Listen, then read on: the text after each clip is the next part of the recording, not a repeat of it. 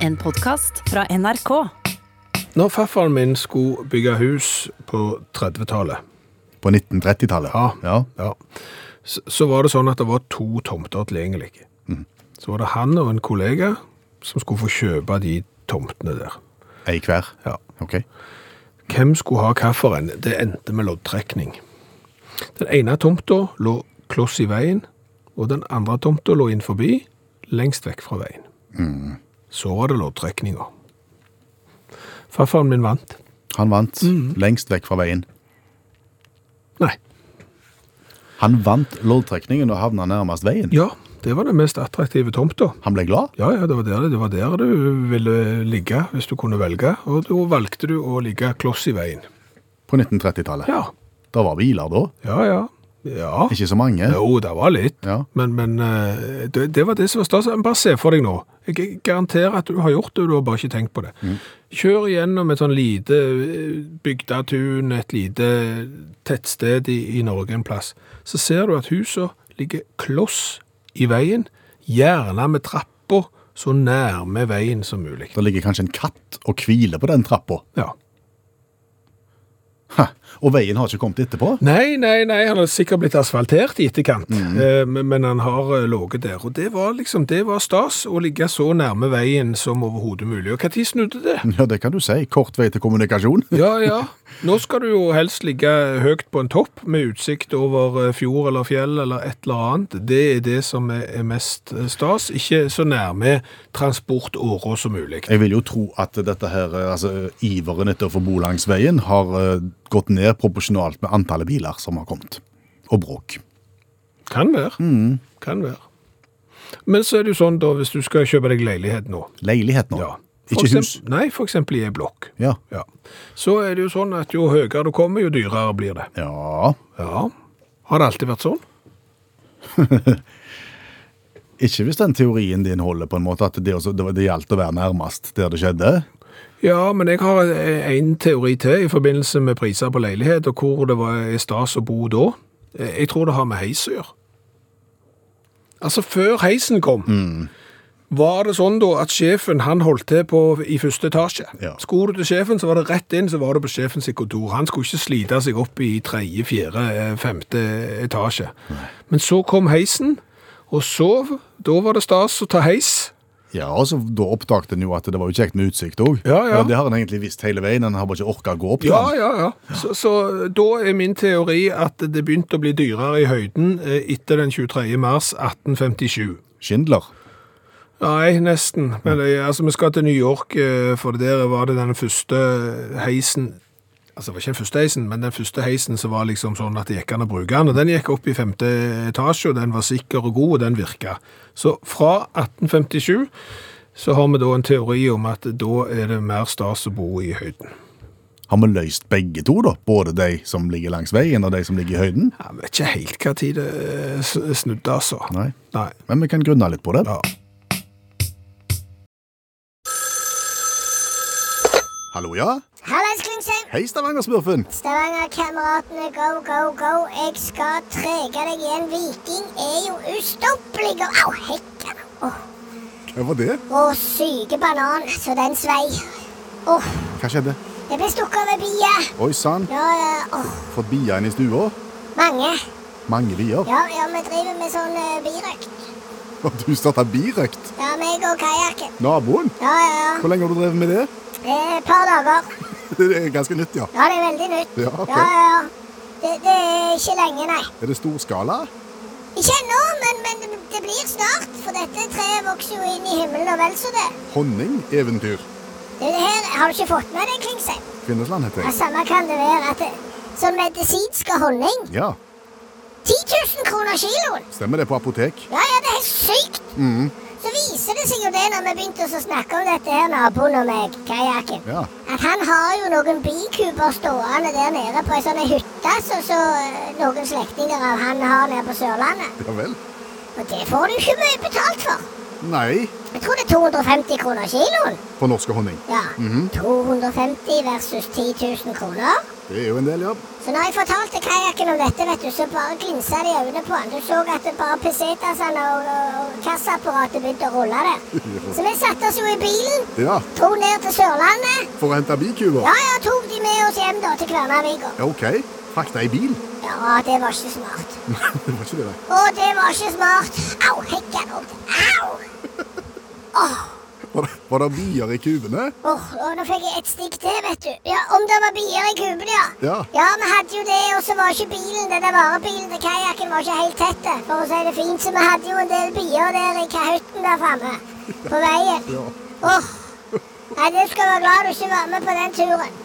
Men vi fikk det iallfall hjem. Mm. Ja, ja, Så nå driver vi og produserer da eh, medisinsk honning til 10 000 kroner kiloen. Det er forskjell på medisinske honning og, og vanlige norske honning. Det er ikke mye. Ganske mye, faktisk, tror jeg. Nei, det er ikke Hva mye. vet du om det? Altså, den vanlige honningen Ja. Den er jo greie. Men den medisinske den skal være sånn at den ikke forurenser og sånn. Ja vel?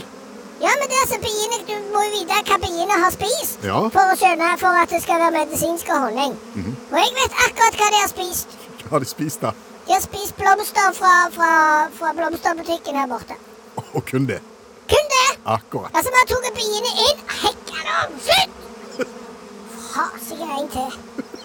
Ser sart ikke ut i trynet, Klingsheim. Kvinnesland. Ja, Samme hva det er, ser ikke ut i trynet for det. Nei. Nei, så har vi tatt bikubene inn, Ja.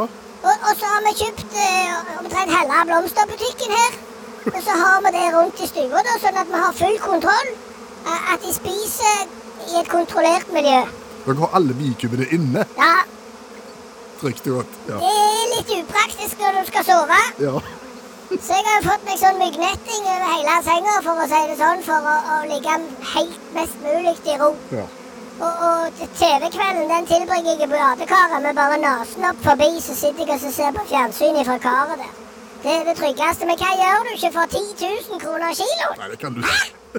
Men hvordan kan du vite at denne her virker, at det er medisinske honning du, du har framstilt? Det, det har jeg prøvd. Du har prøvd det? Ja, ja, du vet hvorfor du har sånn medisinsk honning. Ja, Det er jo fordi du kan he- legge den på sår, så har han en antibakteriell effekt og den slags. Riktig, det er sånn multiresistente bakterier og sånn. Og, og for å si det sånn, har du sett kajakken? Nei, jeg har ikke det. Han har noen leiesår. Han- Å herre, men han har fått noen leie derfra. Jeg vet ikke hvor han har fått det hen, det ser jo ikke ut, vet du. Så de har jo væska seg, og de er ikke gode. Nei. Så, så der har vi smurt på honning, og de er mye bedre nå. Er det, ja? Ja, ja, de er mye bedre, og han er mye blidere og ikke så sulten heller lenger. Men det var to-tre dager dere hadde holdt på, sa du? Ja, Ja, ja. så det er litt igjen. Men 10 000 kroner kiloen, Nettopp. litt grann u- au. Litt upraktisk, men eh, OK. Har han fått navn, denne honningen? Stavanger-smurfens eh, mirakelhonning mot multiresistente bakterier, go, go, go. Det, det var langt. Det er Mulig jeg må finne noe kortere. Jeg tror kanskje det. Ok, Snakkes! Hekka noen der beina igjen, altså. Fasiken, da. Ha det godt. Ha det! Om jeg kan komme med et høyaktuelt forbrukertips? Ja, det vil si at det, det er nå det gjelder, på en måte. Ja, det gjelder ellers i året, men, men særlig nå, egentlig. Ok. Og det er litt rart at det gjelder akkurat nå, men det skyldes jo pandemien, egentlig. Mhm. For dette har med konfirmasjoner og konfirmasjonssanger å gjøre. Og flere konfirmasjoner ble jo arrangert nå, på høsten. Ja, stemmer. Mhm. Og, og da er det liksom råd i forbindelse med nå skal vi synge den gule sangen. Nå skal, Liksom. vi, nå, skal vi, ja, nå skal vi skrive sang, og nå skal vi framføre sang. Og rådet lyder som følger. Hvis du skal benytte deg av playback under framføring av konfirmasjonssang, sjekk kompet som du bruker, nøye på forhånd. Ja, altså hvis du ikke skal spille sjøl, men bare synge, og ikke har orkester i bakgrunnen, men har orkesteret på kassettspiller, liksom, Ja. så må du sjekke kassetten. Ja, Ja, ok. nøye på forhånd. Dette er en historie fra virkeligheten. OK? Eh, en konfirmasjon som skulle arrangeres, det var Alice som skulle konfirmeres, og en slektning skulle skrive konfirmasjonssang. Ja. Eh, Han ville skrive sang på, på melodien til Smokey sin Living Next Door to Alice. Men hun heter Alice. Ja da, så Alice og Alice, men det, det, fikk, det fikk gå. Ok. Men denne, liksom. I don't know why she's leaving or where she's gonna go. I guess she's got her reasons, but I just don't wanna know. For nå skal du konfirmeres, kjære, kjære, kjære Alice. Ok, ja. Den vil jeg, ikke, ikke dumt, det. Nei, for så vidt ikke. Litt så rart med Alice og Alice, men, men jeg har hørt verre enn det. Det fikk gå. Ja. Og, og planen var da at eh, en annen slektning skulle spille gitar til. Mm, jeg tror ikke det er mange grep på, nei. Nei, nei, så det skulle gå riktig så fint, det. Så, så eh, slektningen skrev tekst, og slekt, den andre slektningen gjorde seg klar på gitar. Så kom dagen, så ble gitaristen syk. Og meldte da på morgenen konfirmasjonsdagen at jeg kan dessverre ikke komme og være med og spille til Living Next Door Dwellers. Og tekstforfatteren sjøl var ikke kapabel til å spille gitar sjøl? Nei, og ingen andre i konfirmasjonen. Da måtte han tenke nytt, og det var da han tenkte playback. Ja. Så da går han ut på internettet og Mhm. søker da for å finne karaokeversjon av Living Next Door to Alice, som de kunne synge oppå. De fins. De fins i rikt monn, Ja, ja. så, og så dermed så kommer jo da selve konfirmasjonsfesten, da, som da foregikk i, i tilknytning til, kjer- til kirka. Å, å ja, det var ikke hjemme hos noen? Eller Nei, på, det var, var vel på menighetshuset, tror jeg, eller menighetshuset? menighetssalen, eller noe der omkring. Ok. Foregikk dette her, for dette var en, dette var en kristen konfirmasjon. ja. Så kom vi til det punktet i konfirmasjonen at Living Next Door to Alice skulle framføres, eller Living Next Door to Alice. Og da var det jo bare å finne fram kompet, Ja. og så turte de i gang. Na, na, na, na, na, na. Den, da, da, da, da, da. Går fint, sånn. Ja, ja, Na, na, Alice- eh, na, na, na, na. Men så plutselig ser du, så skjer det noe som ingen har tenkt i det hele tatt på forhånd, og det kommer nå øyeblikk.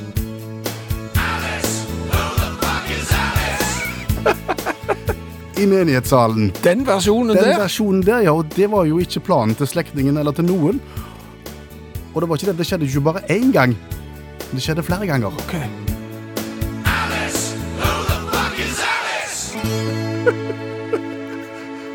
For det lå på kompet. Men, men, Og der, dermed, dermed altså, Forbrukertips, sjekk kompet nøye. Ja. Her var det bare å sjekke de første 30 sekundene, vet du. ja. Så who the fuck is Alice? Nei, men hva tid eh, Altså, S- Smokies spilte jo den.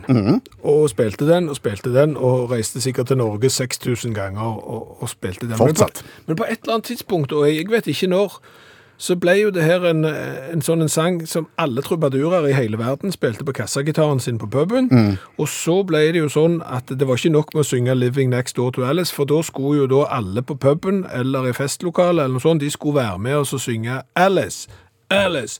Who the fuck is Alice? Mm. Men det trodde jo jeg var et sånn et Det bare var et sånn live eh, gutta på, på pub-fenomen. Det jeg. trodde jo sikkert mange, men her var det altså da lagt på kompet til, til karaokeversjonen. Og det er klart at da den kommer til Alice i menighetssalen, Ja. så er det jo ikke fint. Det har nok vært stoltere øyeblikk i familien. Det har nok det. Det, det, det er helt klart. Men historien er god. Fikk du med deg han nordmannen som hadde forsikra legoen sin for 1,5 millioner? Mm. Litt unorsk, det. Ja, Har du noe utenom sånn vanlig innboforsikring, du? har ikke det. Ikke jeg heller. Jeg har vel egentlig ikke noe som fortjener forsikring heller, tenker jeg. Nei, det er ikke jeg heller. Jeg tenker mye om. Men det blir mer og mer populært med sånne spesialforsikringer. Ja, det gjør visst det. Gjør det. Hvor populært da? Har ikke peiling. Nei. Og når vi ikke har peiling, så går jo spørsmålet til allmennlærer med to vekttall i musikk, Olav Hove. Er vi ekstreme i Norge blitt nå, med tanke på å forsikre rare ting? Nei. Nei. Er det et område vi ligger la- langt bak i forhold til resten av verden, så er det torskeskapforsikring. Der er vi mye å hente. Så det er bare å kjøre på. Eh, fordi at dette her har jo pågått i 100 år i verden. Det, det- ja, siden 1920. Ja, fortell oss noe. Hva Ja, du- Ben Turpin. Ekstremt sjeløyd eh, komiker i 1920. Husker du han, kanskje? Nei. Nei, han var jo komiker, og det er interessant når du heter Tørrpinn, men han han var i hvert fall det. Og han var så sjeløyd og var redd at det, det var liksom, det var kjennemerka, så han var redd han skulle bli frisk. Og jeg plutselig våkna en dag og så rett fram. Yes, han var så livredd. han forsikrer seg mot å se beint. Yes, han må sikre seg mot å rett opprette syn. For 25 000 dollar så var en del i Oi. 1920. Men han satte i gang da, på en måte skred da. Og dette her, eh, fortsetter utover 30-tallet. Da hadde vi f.eks. Harvey Lowe. Det var jo innenfor idrett og kunst. eh, Det er, jo, eller det er litt sånn midt imellom. Han forsikra jo eh, hendene sine for 150 000 dollar. Det er en dyre premie å betale, for han var verdensledende innenfor yo-yo. Å Mm, Um, ja, det var joie. Ja, han drev og joia. Og joide, joide, joide har joid. Ja. ehm, og, og overraskende masse som- på lavt nivå som har forsikra for mye. Chris eh, McDerritt, har jeg hørt om han. Nei. Ledende innenfor musikksjangeren skiffle. Hva er det? Det er en sånn blanding mellom, eh, mellom bluegrass og jazz. Han, eh, spilte- han, eh, han eh, forsikra fingrene sine for 100 000 dollar. Han spilte på vaskebrett, for eksempel. Eh, eh, og dette her eh, gikk og gikk og gikk, og kulminerte til det kom på 70-tallet, når Alex Mitchell da lo seg i hjel når han så på showet The Goodies. Eh, det s- skapte jo mye oppstandelse. Eh, han så på en, en, en britisk eh, eh, kampsportutøver som var bevæpna med en Yorkshire pudding, som fikk juling av en skotte med kilt og sekkepipe, og lo så mye at han døde av det, da, eh, sier historien. Og Dermed så ble de fleste teater rundt omkring i England og komikere og sånn, de hadde da eh, les seg i hæl-forsikring, eh, for de var redd for at de skulle være så fryktelig morsomme at folk skulle le seg i hæl. Viste seg i ettertid nå da at det går ikke an, men, eh, men det var iallfall vanlig da. Og så har det gått fram helt i vår tid, og min personlige favoritt eh, for min del er jo, eh, er jo De- Devonshire eh, Whisker Club.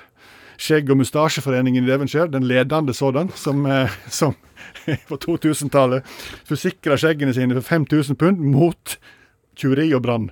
Og det er jo Jeg, jeg skjønner jo brann, men liksom litt grann er uheldig med opptenning av sigarer. Du har kanskje litt mye sånn elnett for Ja, ja, å få ja, opp barten ja, og ja, ja. skjegget til å stå.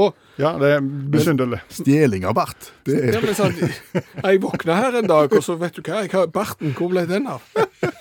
Ja. Og eh, underlivet har jo selvfølgelig ikke sluppet unna uh, torskeskapforsikring, så når eh, bandet Van Halen fikk beskjed av managementet sitt at eh, hendene deres var jo et uh, fiffigt instrument, så de måtte, de måtte forsikre det, sant? så du kunne spille tromme og bass osv. Da var jo Eddie Van Halen tidlig ute og forsikra sitt instrument, da, som ikke var stemma. Han forsikra da Lille Elvis, som han kalte det, for 500 000 dollar. Eh, mot hva for noe? Mosk, ja, det, det er interessant. for Hvis du skal ha en toskaskapsforsikring, så går det alltid til Lloyds i London. Ja. Og, og Kieran Lee, eh, visstnok kjent pornostjerne, han, eh, han forsikra sitt arbeidsverktøy eh, em, hos Lloyds. Og Lloyds sa da at dette er jo en veldig sjanse å ta, så derfor så er det ganske dyr forsikring. da, Men han kunne da få 1,3 millioner pund hvis da eh, arbeidsredskapet hans og tisseluren ikke eh, på en måte kunne brukes til de, de 800 filmene han hadde deltatt i. Og da var det sånn at eh, i dans forsikringspapirene så står det at det gjelder ikke under arbeid. Det gjelder kun hvis han mister den i fri, på fritiden. Og hvor stor sjanse tar Lloyds da? Når han- hvor stor er sjansen for at du mister? Nei, så eh, når det gjelder forsikringer her i landet, så er det bare å kjøre på. Ok. Ja. Takk for det. Allmennlærer med to vekttall i musikk, Olav Hove. Jeg har fått en eh, melding ifra Sverre her. Ja. Ja, det er Sverre nok inne og hører på Utakt på podkast, for han hører da på Stavanger-smurfens placeboapotek.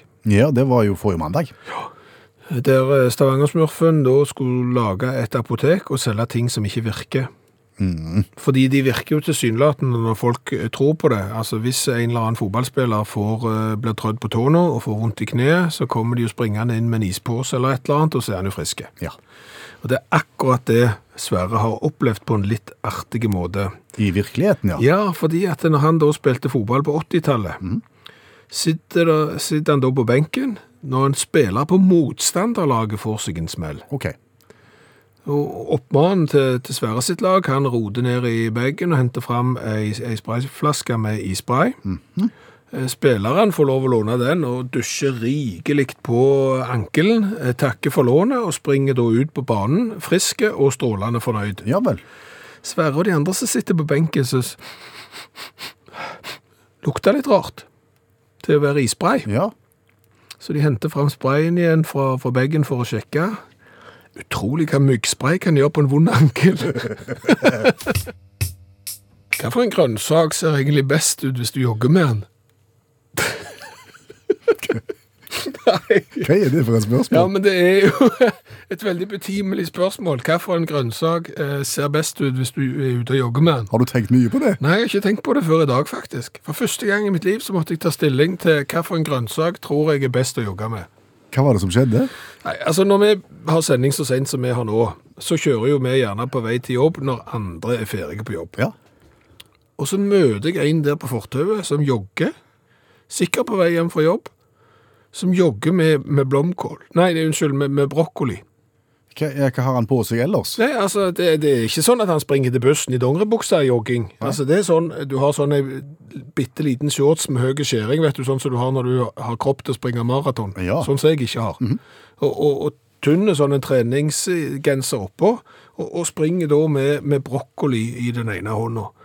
Du, og du ser at han har sprunget før. Så det ser, Ja, ja, og ja, Ja. jo, ja. Eh, Og, og det så utrolig rart ut å jogge med brokkoli. Ja, det vil jeg tro, men du tror Det kan ikke ha vært at han hadde det med som på en måte sånn drivstofflager, at han, han spiste brokkoli for å ta til seg næring underveis?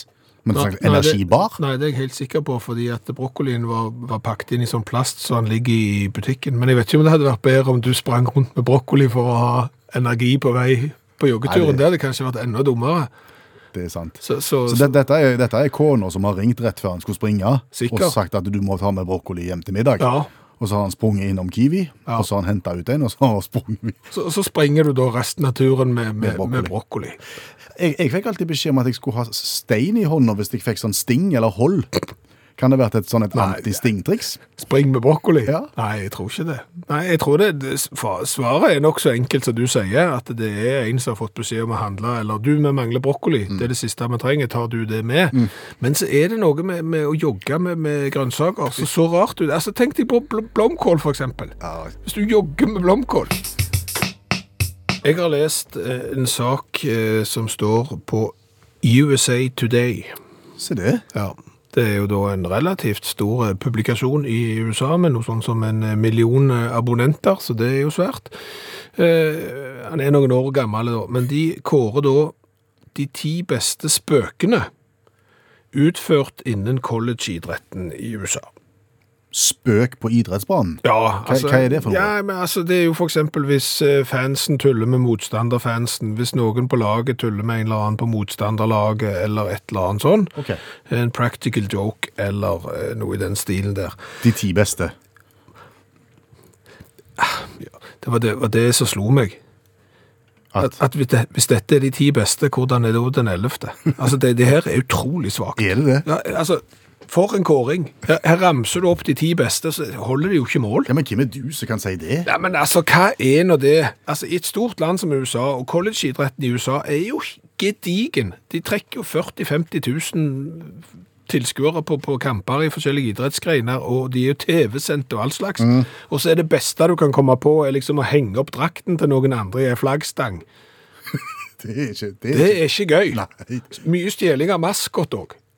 det er ikke gøy, det. Det er jo ikke gøy heller. Eh, Utstyre bortelagets eh, supportere med, med et banner da, som gjør at de heier på hjemmelaget hvis de stiller seg i rett rekkefølge, det er litt gøy, men det er ikke spesielt gøy det heller. Nei. Nei, så det må jeg si, det var utrolig svagt. Ok, så da er det ikke mer å si om den saken? Jo. Der er det. Ja, for, for den én var god. Den som vant? Nei, Den var ikke god. nei, den var ikke god, den som vant. Det var også stjeling av maskot, den som vant, så det er utrolig svakt. Ja, Hva er det som har blitt Hva er det som er bra, da? Altså, det som er bra, er jo da når eh, Auburns, Hva er det? det er en skole, Aubens. eh, skulle da spille sånn en amerikansk fotballkamp mot Georgia Tech. Ok, altså da skal de sp- spille med litt sånn skeive ball og springe fulle, fulle fart over banen med hjelm. Ja, sånn o- ovale ball, ja. Så det har jo ingenting med fotball å gjøre, det er jo bare rør. Men, men det er ganske langt tilbake da. Det var nemlig første gang de møttes eh, på, på banen i det hele tatt, men tilbake i 1896. Det har ikke skjedd morsomme ting i collegeidretten siden 1896. Ikke, ikke etter i min forstand. Nei. Eh, fordi at eh, bortelaget, Georgia Tech, eh, de skulle jo da ankomme tidlig på morgenen med tog. Ja. Mhm. Og i ly av nattens et eller annet, så har jo da noen smurt inn mer enn 400 meter med skinnegang på togstasjonen. Med svinefett, smult og såpe. Det hørtes farlig ut, spør du meg. Ja, på en måte så ble det jo, om ikke farlig, så ble jo i hvert fall konsekvensen ganske bra. Fordi at når toget da kom og bremser, jeg vet jo, du har jo kjørt dresin. Ja, Så du vet jo at det skal ikke mye vann til på sporet før, før det skjer ingenting når du prøver å bremse. Mm. nettopp. Da kommer da dette toget inn på jernbanestasjonen Mm. og kjører da over 400 meter med svinefett, smult og såpe. Ja. Eh, det stopper ikke da. Nei, det skjønner jeg. Det, det stopper ikke på lang stund, ser du. Nei. De skulle hoppet av i Auborn, men de er jo halvveis til nabobyen. åtte kilometer før toget før, før toget stopper. Og da er det jo bare å, å ta med seg alt. Og de har jo ganske mye utstyr òg. Ja, tunge ting. Og Tunge ting, disse bagene med skulderbeskyttelse, jeg vet ikke hva det er, hjelm og sånn. Og så er det jo da åtte kilometer tilbake langs eh, skinnegangen. på apostlenes hester. På apostlenes hester, og når du da kommer fram, så er du ikke akkurat klar til kamp. Nei. Eh, De måtte jo spille, og tapte da 45-0. OK. Ja, det det er ganske mye. Jeg kan ikke de fotballresultatene heller, jeg, på sånne, men det er relativt eh, mye. Den var litt gøy. Ja, den, den er bitte litt gøy. Og, og, og da, når de da fant ut hva som var skjedd, Eh, ja, ja. ja, Georgia Tech, så ble de jo litt grann sure. Hevn. Snakker med hevn. Nei, vi snakker ikke hevn, Nei. Eh, men, men eh, de nekta da å spille mot eh, Auburn i kommende sesong, Mm. eh, med mindre eh, forbundet sa at hvis dere gjør sånn en gang til, så er det dere som blir ekskludert. Så da skjedde jo ikke det igjen. Men bare for å markere dette her, og gni det inn, så begynte de jo å gå en sånn en pyjamasmarsj på dette eh, colleget da, hvert år for å markere denne hendelsen. Så, så den, og det drev de på med helt til 1988. Oi. Og gikk liksom og markerte denne gangen når de smørte 400 meter med skinnegang med, med smult og såpe og, og fett. Og svinefett. Ja. OK. Den var god. Den var den er ja, litt- den er god. Kan ting bli for selvsagte? Ja, kan de ikke det? Jo, absolutt eh, kan de det. Ja. Ja. Svært ofte kan de faktisk bli for eh, selvsagte. Eksempel? Har du passert 50 og lagt på deg uønskede kilo? Ja. Ja. ja. Hvor, hvor leser du dette? Eh, Dette leser jeg i Verdens Gang. Ja, Oslo-avis. Oslo-avisa, Verdens Gang. Det kan ha noe med alderen å gjøre, men med noen grep kan du gjøre noe med det. Se det. Spennende. Ja, Det er relevant for oss. rele- veldig relevant. Det treffer oss på hjemmebane, for bokstavelig talt. Hva kan vi gjøre ifølge Verdens Gang? Man må være litt mer bevisst hva man spiser og drikker. Sier Ulva Trolle Lageros, førsteamanuensis og lege ved Karolinska instituttet. Ja, just det. Ja. OK. Vi har lagt litt ekstra på oss. Ja. Hvis vi er litt forsiktige med hva vi spiser og drikker, Ja. så, så trenger det ikke være så ille. Nei, du så ikke den komme. Hæ? Det, det er bomba. Og hvis du da må være førsteamanuensis og, og lege for, for å komme med den konklusjonen der Du må jo ikke det. Altså, Alle i hele verden klarer jo å komme med den konklusjonen der. Legger du på deg litt for mye når du passerer 50, Ja. så prøv også også å gå litt ned på inntaket. Og så kanskje litt mosjon. kost- en- en mosjon, Ja, det, er- Så langt har ikke jeg, gadd ikke jeg lese, for jeg orket ikke mer. For det var bare sånn Takk for i dag, det her blir for dumt. Eh, og jeg føler jo ofte at det er sånn at media lager en overskrift for å lokke oss inn, og så serverer de jo da bare den ene selvsagtheten et- Heter det selvsagtheten? Selvfølgeligheten. Ja, det er greit. Ja. Selvfølgeligheten etter den andre. Ja, fordi at slik får du mindre gnagsår. Ja, da ø, så sitter du i ro og Og så blar du opp. ja. Sitt i ro og ikke gå så mye. Ja. Så ikke den komme Så heller. det kommer heller Nei. Nei. Nei, det er mye av det. Så skjerp dere. Vi er også media. Vi er media, men men vi ville aldri komme med selvsagte ting. Aldri. Nei, Det, er- altså For å s- arrestere oss hvis vi har kommet med noe selvsagt. Aldri. Altså, her er jeg skråsikker.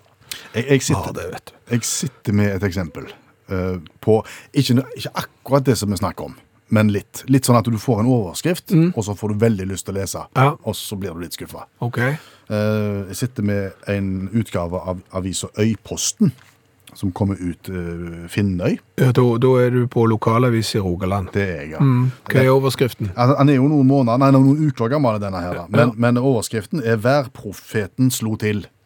Ja, profeten slo til, ja. Værprofetier slo til. Ok. Så, så er det bilde av en kar som da tydeligvis er værprofet. Han spår været. Er han hver profet i eget land? ja, nok da. OK. Ja. Og det, det er klart spennende, det har jeg lyst til å lese mer Ja, om. Hva, ja. Han har spådd sommerværet.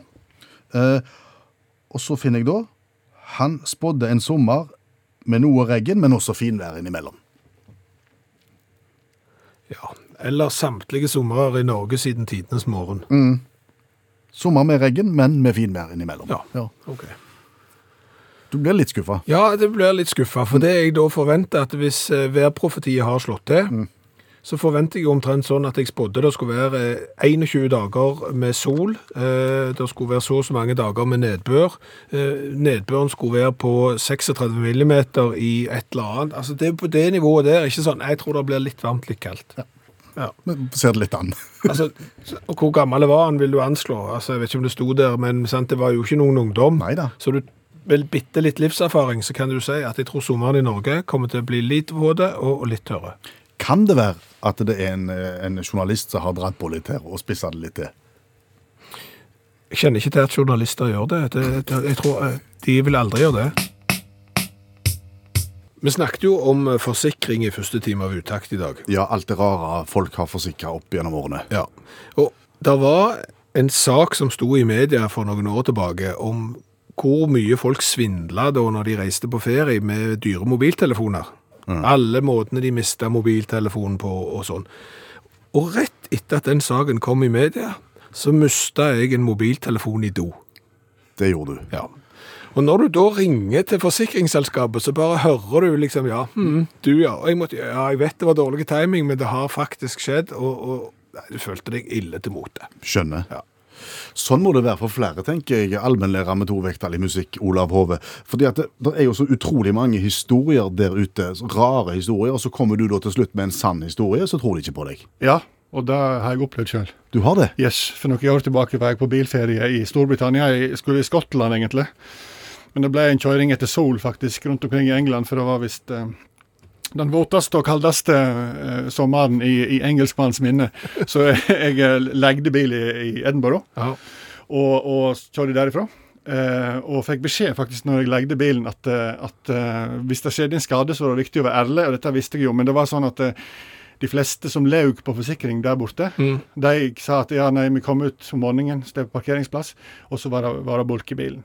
Og da kunne hun opplyse om at de fleste parkeringsplasser i Storbritannia var videoovervåka, så det var viktig å være ærlig, og det var ganske sterk straff, og det var ja, da, ja. Så når jeg da kom tilbake ti dager etterpå med ei svær ripe i- på taket, så visste jeg at det jeg nå skal fortelle, det kommer ikke hun til å tro på.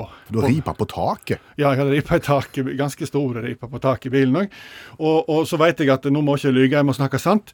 Men det spørs om de kjøper s- dette her, da. Men jeg valgte å snakke sant, og da er det sånn typisk, sant. Eh, eh, hvor skjedde skaden? Eh, Liverpool. Hvordan var været? Det var åtte grader og regn. Eh, hva hva forårsaka skaden? Apekatt. Sant? Og da sant? Da ser du hun strekker seg for å ringe til seg og si 'årets dummeste forklaring'. Sant? For da hadde jeg selvfølgelig svær stripe påført av en apekatt. I åtte grader i Liverpool og pøsregn. Ja, sant? Og når, jeg sier, det- når du sier det på den måten, så høres det usannsynlig ut. og sånn, Men jeg var i sånn safaripark. Ja. Nosley safaripark i Liverpool. Og da kjørte de sånne soner. Og så kom jeg da inn i en sånn apekatt-innhegning. Sone. ja, sone. Masse apekatt. Og da var det en som da satte seg på panseret. Tydeligvis sikkert alfahannen. Eh, han, eh, han tok på seg sjøl, kan du si, når han sto på panseret der. Så det var godt vi ikke hadde unger med, for å si det slik. Før han så da og tok turen opp på taket. Og da den som han drev- hadde drevet og lekt seg med på panseret, da ble liksom dregen tvers over frontruta. Så foretok han en eller annen slags form for moonwalk, jeg veit ikke, på taket. for Jeg så ikke hva som skjedde på taket, men du hørte den der sant, Den der lyden. Er det det vi kaller apestreker? Ja, det kan være. Det kan Ha- være. Hadde apekanten forplantningstrening på taket? Jeg vet ikke, han var aleine. Han eh, simulerte ting, iallfall. I alle fall så, så, så tenker jeg at dette her må jo være Safariparken sitt problem, så jeg skal kjøre inn og klage. Og da er det faktisk en mann som, med en Fiat som har kjørt på et Neshorn før meg i køen. og Jeg skjønner at det her er ikke vits. Så, så, og det gikk greit med neshornet, men ikke med Fiaten, skal jeg love. Men så var, tenkte jeg hva gjør jeg nå? Jeg gikk inn i kiosken der, så de solgte sånn pudding og pai. Og snakket med en kar der som sa at dette her, har- jeg veit ikke helt, men du har jo skrevet under på at eh, dette kan skje og sånne ting. Og det visste ikke jeg at jeg hadde gjort, men det hadde jeg tydeligvis gjort da. Men så ga han meg noe eh, papir som jeg kunne fylle ut, og sa lykke til. Og så sa han at det er noe greier med appene. Det, det er i sånn paringstid innimellom. Så jeg, Herlig. Så jeg kjørte til Skottland og leverte bilen og sa at det her er apekatt. Trodde ikke på meg. Snakket med forsikringsselskapet, og, og så måtte da jeg eh, Til slutt så sier hun da må du må snakke med mannen i forsikrings, eh, forsikringsmannen, du. Og, og han sa at ja, det, vi har jo litt vanskelig for å tro på at eh, en apekatt har skripet opp bilen din. Så sier jeg da jo, men de sa at et eller annet om sånn eh, Det kunne være, det kunne være en sånn eh, paringstid for dem. Og der våkna mannen på så sa jeg åh, ja, men ja, der kunne det faktisk være. For de hadde faktisk ganske mange saker der hester angrep småbil. i ren kåtskap i løpet av året. Så dermed så var jeg innafor. Liksom, Oi, han jeg kan skjønne det. Så, så, så, så, så hvis du Så, ikke- så moralen her er at hvis du har fått en apekatt som har ript opp bilen din, så pass på å understreke at han var brunstig. Ja, det er moralen. Tusen takk for den orienteringen. Allmennlærer med tovektig musikk, Olav Hove. Og da sier vi daus. Daus, ja. Ja, for nå skal vi drikke cola fra Danmark, og derav daus. Ja. Ja. Jeg må si allerede nå er jeg skeptisk. la meg nå få si litt om bakgrunnen her, for eventuelt nye lyttere. Vi smaker på cola fra hele verden, sånn at når du en gang får lov til å reise ut i verden igjen, så skal du vite hva for en cola du, kan, eh, du, du bør kjøpe i, i det landet du reiser. For nå har vi nærmest 300 varianter. Ja. Og, og vi f- baserer oss jo da på cola vi får tilsendt fra deg som hører på og som er ute og reiser. Og nå har vi da vært i Skagen, Danmark, har jeg skjønt. Ja, vi har fått en eh, cola som Harald Øksnevad har eh, kjøpt og tatt med til oss. Eh, Det betyr jo at han har vært i eh, Danmark, så kan vi jo plante litt reiseskam. inn. Nei, den, vi skal jo ikke det. Nei, For det er lenge siden. Ja, ja, ja. Og det er en dåsecola. Eh, Ja, det er en dåse cola. Ja. Og du er skeptisk, sier du? Ja, fordi det er en kjøpesentercola. Nå har jeg sjekket dette her. Han heter River Cola og er tappa og brygga av bryggeriet Vestfyn i Assens. Men han fins i mange land, og det er kjøpesenterkjeden Aldi som har sin egen River Cola. Ah. Og kjøpesentercola, det pleier jo å være så ymse. Ja, Det pleier å være sånn helt, helt, helt på det jevne greit, Ja. men ikke mer heller. Nei. Beskriv boksen. Den er jo da rød, som en colaboks pleier å være. Så det er jo ikke spesielt oppfinnsomt. Nei. Fargen er, altså det er den originale rødfargen. Ja, og så så står- inneholder det noen sånn hvite kullsyrebobler, og så står det River inni en liten blå ring. er det noen forklaring på hvorfor han heter River Coke? Nei. Det er ikke det. Er du klar? Ja, Hvis ikke du har mer å si om Nei, det? jeg da. har ikke mer å si om dette. Det er på en måte det er ikke så mye å Kjøpesenter. hente når det, når det er en sånn kjøpesenter-cola av informasjon. Nei. Men lyden er jo fremdeles det vakreste som fins. Ja, det er det. Det vakreste som fins, er lyden av kullsyre i et glass. Ja. Da gjør vi som vi pleier. Vi smaker først og gir karakter fra 1 til 10, og så tar vi design etterpå. Om den lukter veldig lite. Det som man lukter, det er litt parfyme, syns jeg.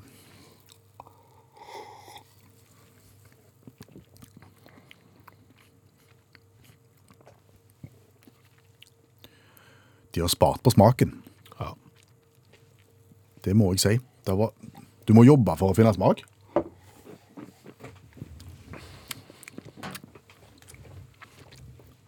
Merker du det? Den forsvinner i ingenting. Altså Enten så har vi korona og mista smakssansen, eh, eller så eh, Ellers så er det ikke smak i Riva-colaen. Nei. Så det var lite. To. Ja, Vi kan ikke gi mer, for det var ikke, det var ikke mer å bedømme. Nei. jeg er helt enig. To i smak. Ikke er det kult heller. Nei, det er To. litt plagiat, litt kjedelig litt, altså det, det, det er hastverksarbeid, vil jeg si. Ja. Mm, ja, Det er det. To, i- ja, ikke mer. Skal jeg nå fortelle deg noe? Så klart var med og farge min bedømmelse av dette. Det sk- skal være sagt, for dette har jeg lest på forhånd. Den her har jo da nemlig vært testa i Matens verden. Hva er det for noe? Det er danskmatensverden.dk, nettsted, som da har testa colaer, hvilken smaker best. Det har de gjort så sent som i år, i 2020. Denne får terningkast to.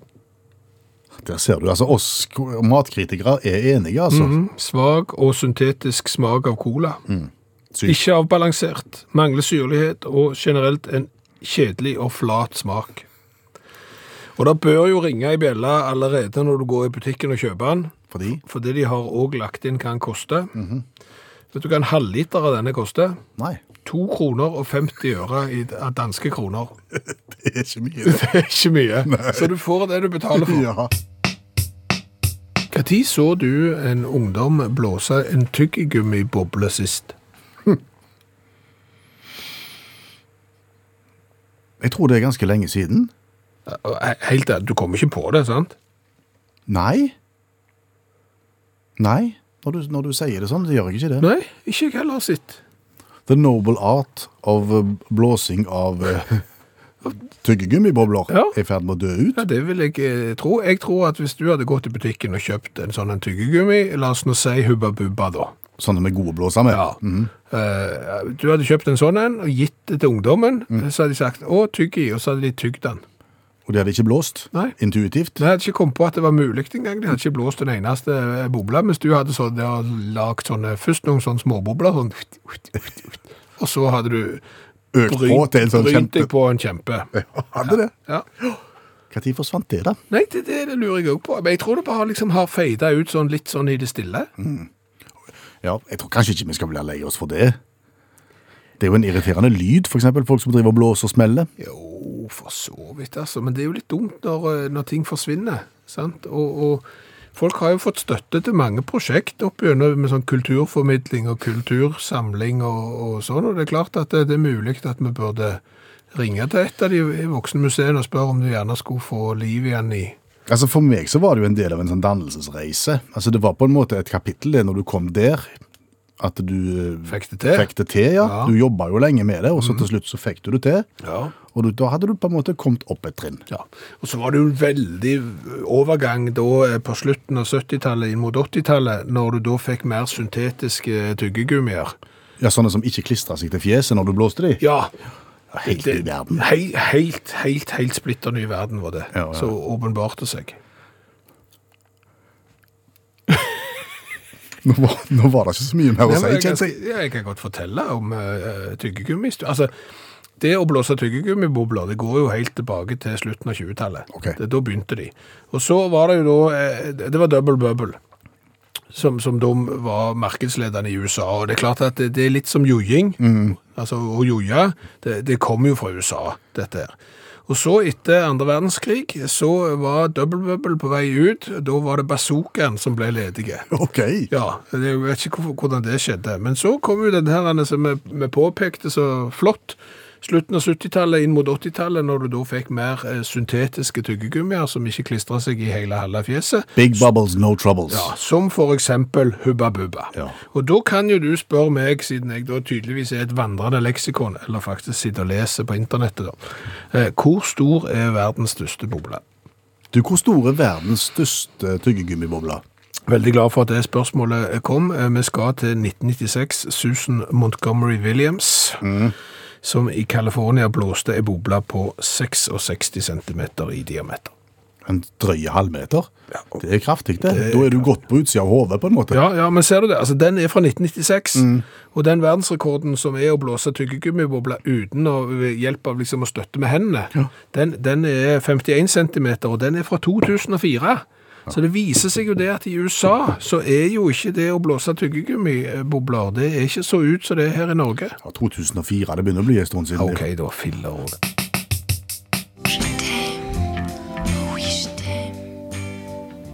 Seks rundt grøten. Det er veldig mye eh, opplysninger å få rundt det å prøve å forplante seg rundt omkring, både på TV og i radio og på internett, og veldig mye av dette er utrolig direkte, og vi syns at det er litt flaut, og derfor så tenker vi å pakke det litt inn. Ja.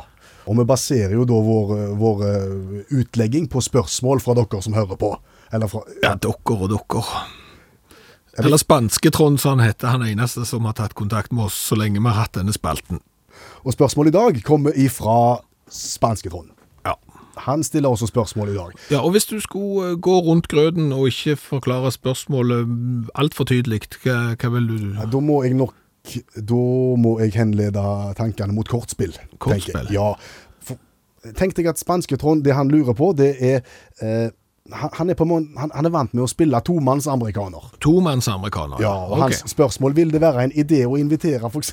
til tremannsamerikaner, eller, eller få flere med til å spille. ja, eh, Blir, blir spillet kjekkere og mer interessant av den grunn. ja, amerikaner ligner jo litt på bridge, og, og det er klart eh, Hvis du tenker dit hen, så er jo tre- og firemannsamerikaner mer spennende enn to, men, men jeg tror rett og slett at vi skal ta en tur i barnehagen. For å svare på spørsmålet til spanske Trond. Ja, eh, fordi at eh, du har jo gjerne fått med deg det du òg, som har hatt unger i barnehagen opp igjennom, at eh, du får høre der at eh, nei, det har ikke vært så fredelig i barnehagen i dag, for de har vært tre.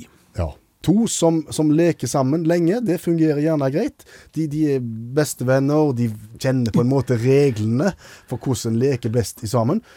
Balansen blir liksom litt forstyrra hvis Ja, det kommer men en hvis, tredje. hvis Ja. det kommer inn en tredje, så, så blir det som Eggen sier, tre er én for mye. Og, og, og det som jo ofte skjer da, Ja. når det kommer en tredjepart inn, det er at det- en blir stående litt grann mye på sida og Ja. observerer de andre som leker, og blir i på en måte får gjerne ikke lov å være med og leke så mye som vedkommende kanskje har lyst til. Jeg blir lekende for seg sjøl, ja, og, det er ikke kjekt. Og så ser en gjerne på de legene som de andre leker med, og så oppstår det misunnelse. Og da prøver jo vedkommende gjerne å ta tak i de legene som, som de andre har, Ja. for, for på en måte å få litt grann oppmerksomhet, og så blir det mye krangling og ja, rett og slett mye støy. Ja, og så er det jo ofte sånn at hvis to er vant med å leke sammen, og så kommer det en tredje, så begynner de gjerne å leke leker som den tredje ikke kan. Den nye kan jo ikke leken. Og det kan jo godt hende at vedkommende har fått beskjed av foreldrene sine òg om at akkurat de legene der, de skal du helst ikke leke. Sånn at eh, Ja. Så, så, så akkurat det der er vel eh, jeg Kan vel si såpass at én da gjerne blir sittende mye og leke med seg sjøl. Ja.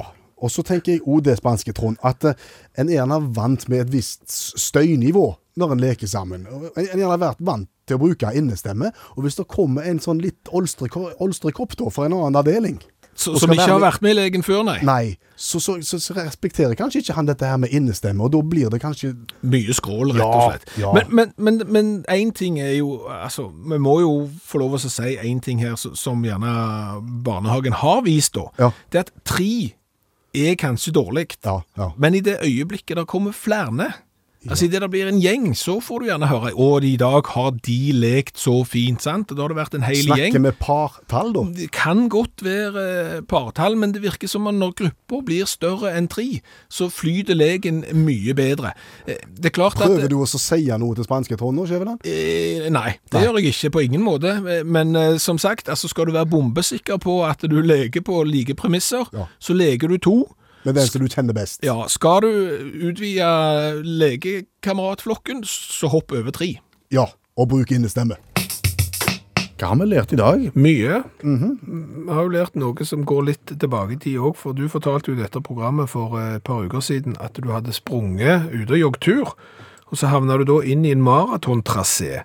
Ja, og det var, det var artig, ser du, for da sprang jo jeg sammen med deg, og jeg hadde sprunget kjempelangt. Jeg hadde ikke sprunget langt i det hele tatt, så Nei, jeg du- framsto mye sprekere enn jeg egentlig Ja, var. du hadde sprunget 500 meter, og de hadde sprunget 40 kilometer. Eh, Men da har jo da Egil fortalt om når han var på messa i Barcelona en gang og tenkte at han skulle ta en joggetur før frokost. Ja. Så forvillet han seg da brått inn i en diger gruppe av folk. Og det viste seg å være starten på Barcelona halvmaraton. Å ja, samme som meg da, på en måte. Ja, så det var jo litt sånn, eh, det så litt kjekt ut selv om det kom litt brått på, så han tenkte han kunne ta følge med et stykke. Det endte jo da med at han fullførte, og i målkaoset så ble han plutselig utstyrt med medalje. Og så var det jo bare å skynde seg tilbake til hotellet for å nå frokosten, og, og jogge da inn i frokostsalen til stor forbauselse til sine kollegaer. Jeg tror han er i irriterende mye bedre form enn meg, Ja, som bare henger seg på en maraton før frokost. Ja, det er akkurat det tenkte jeg Skulle hatt også på. juling. Ja, skulle det. Så har jeg jo lært litt om å forberede seg til konfirmasjonssanger. Ja. For hvis du skal lage en sang på da Living Next Door, To Alice, så må du passe på at du velger karaokeversjonen som ikke er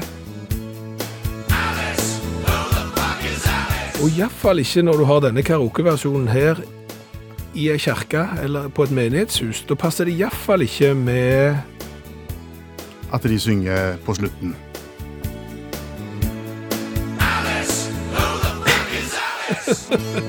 Det har skjedd i virkeligheten. Det har skjedd i eh, virkeligheten. Så har vi jo lært det at brokkoli er kanskje den rareste grønnsaken du kan jogge med ved siden av blomkål. Og kokosnøtt. Ja, men er kokosnøtt en grønnsak, da? Ja, Hva er det da jeg frykter? Men i dag møtte jeg en eh, som jogde. I skikkelig sånn joggebekledning, sånn eh, bukse med, med høy, høy skjæring og greier, og så ut sånn at kunne han sprunget maraton sammen med Egil. Ja. Eh, Springende med brokkoli, og det ser bare rart ut når du springer med grønnsaker, uansett hvordan du snur og vender på det. Helt sant. Så har vi jo lært at, av allmennlærer med to vekttall i musikk, Olav Hove, at hvis du ser deg nødt til å lyge med forsikring For det er det mange som gjør. Ja, Ja. ja, Du skal Altså, Så, ikke så gjøre skal du det. ikke gjøre det. Nei. Fordi at virkeligheten kan faktisk framstå som en større løgn. Så det viktigste er at du må bare stå på sannheten 100 Det måtte han gjøre når han da ble angrepet av apekatt i Liverpool. Ja. Mm. Og når du skal prøve å fortelle hvordan ripene på bilen har kommet, og du sier at det kom en ape i Liverpool, Ja. så er det ingen som tror på deg. Det er ingen som tror på deg. Men Fordi da- at noen har ødelagt med så mange løgner før. Ja, ja, så derfor så sier jeg du må bare holde deg til, til sannheten for løgnene. Det er ingen som eh, tror på allikevel. Det var i en sånn en dyrepark, dette her. Ja, Så har vi testa kjøpesenter-cola fra Danmark, så det er River Cola. Den trenger du ikke smake på, for å si det sånn. Det Det er har- ikke, der er ikke smak i den. Nei, det har vi lært. Eh, Så har vi lært at amerikanerne er ikke spesielt kreative når det gjelder å tulle med idrettsarrangement. Nei, du har, fant jo en kåring over de morsomste øh, spøkene innenfor collegeidretten. Mm. Øh, Ja. Og der var det ei topp ti-liste. Og det var faktisk andreplassen som var den eneste god. Ellers var det sånn, vi stjeler da eh, maskotten din, vi tar eh, jakken til laget og henger den opp i en flaggstang. Ja vel, kjempegøy. Men den på andreplass, den var ganske god. Vi skal jo tilbake til nesten eh, slutten av 1800-tallet, men da smørte de inn skinnene på jernbanestasjonen. 400 meter med fett og såpe og, og greier. Så når da toget til motstanderen kom, så klarte de jo ikke å stoppe. Og for alle som har vært på et glatt jernbanespor, det tok åtte kilometer før toget stoppa, og laget måtte gå tilbake. Og var ikke spesielt godt forberedt til kamp, for å si det sånn. Tapte en haug med null. Ja. Så det har vi lært. Så det går an å være kreative, bare tenk deg om.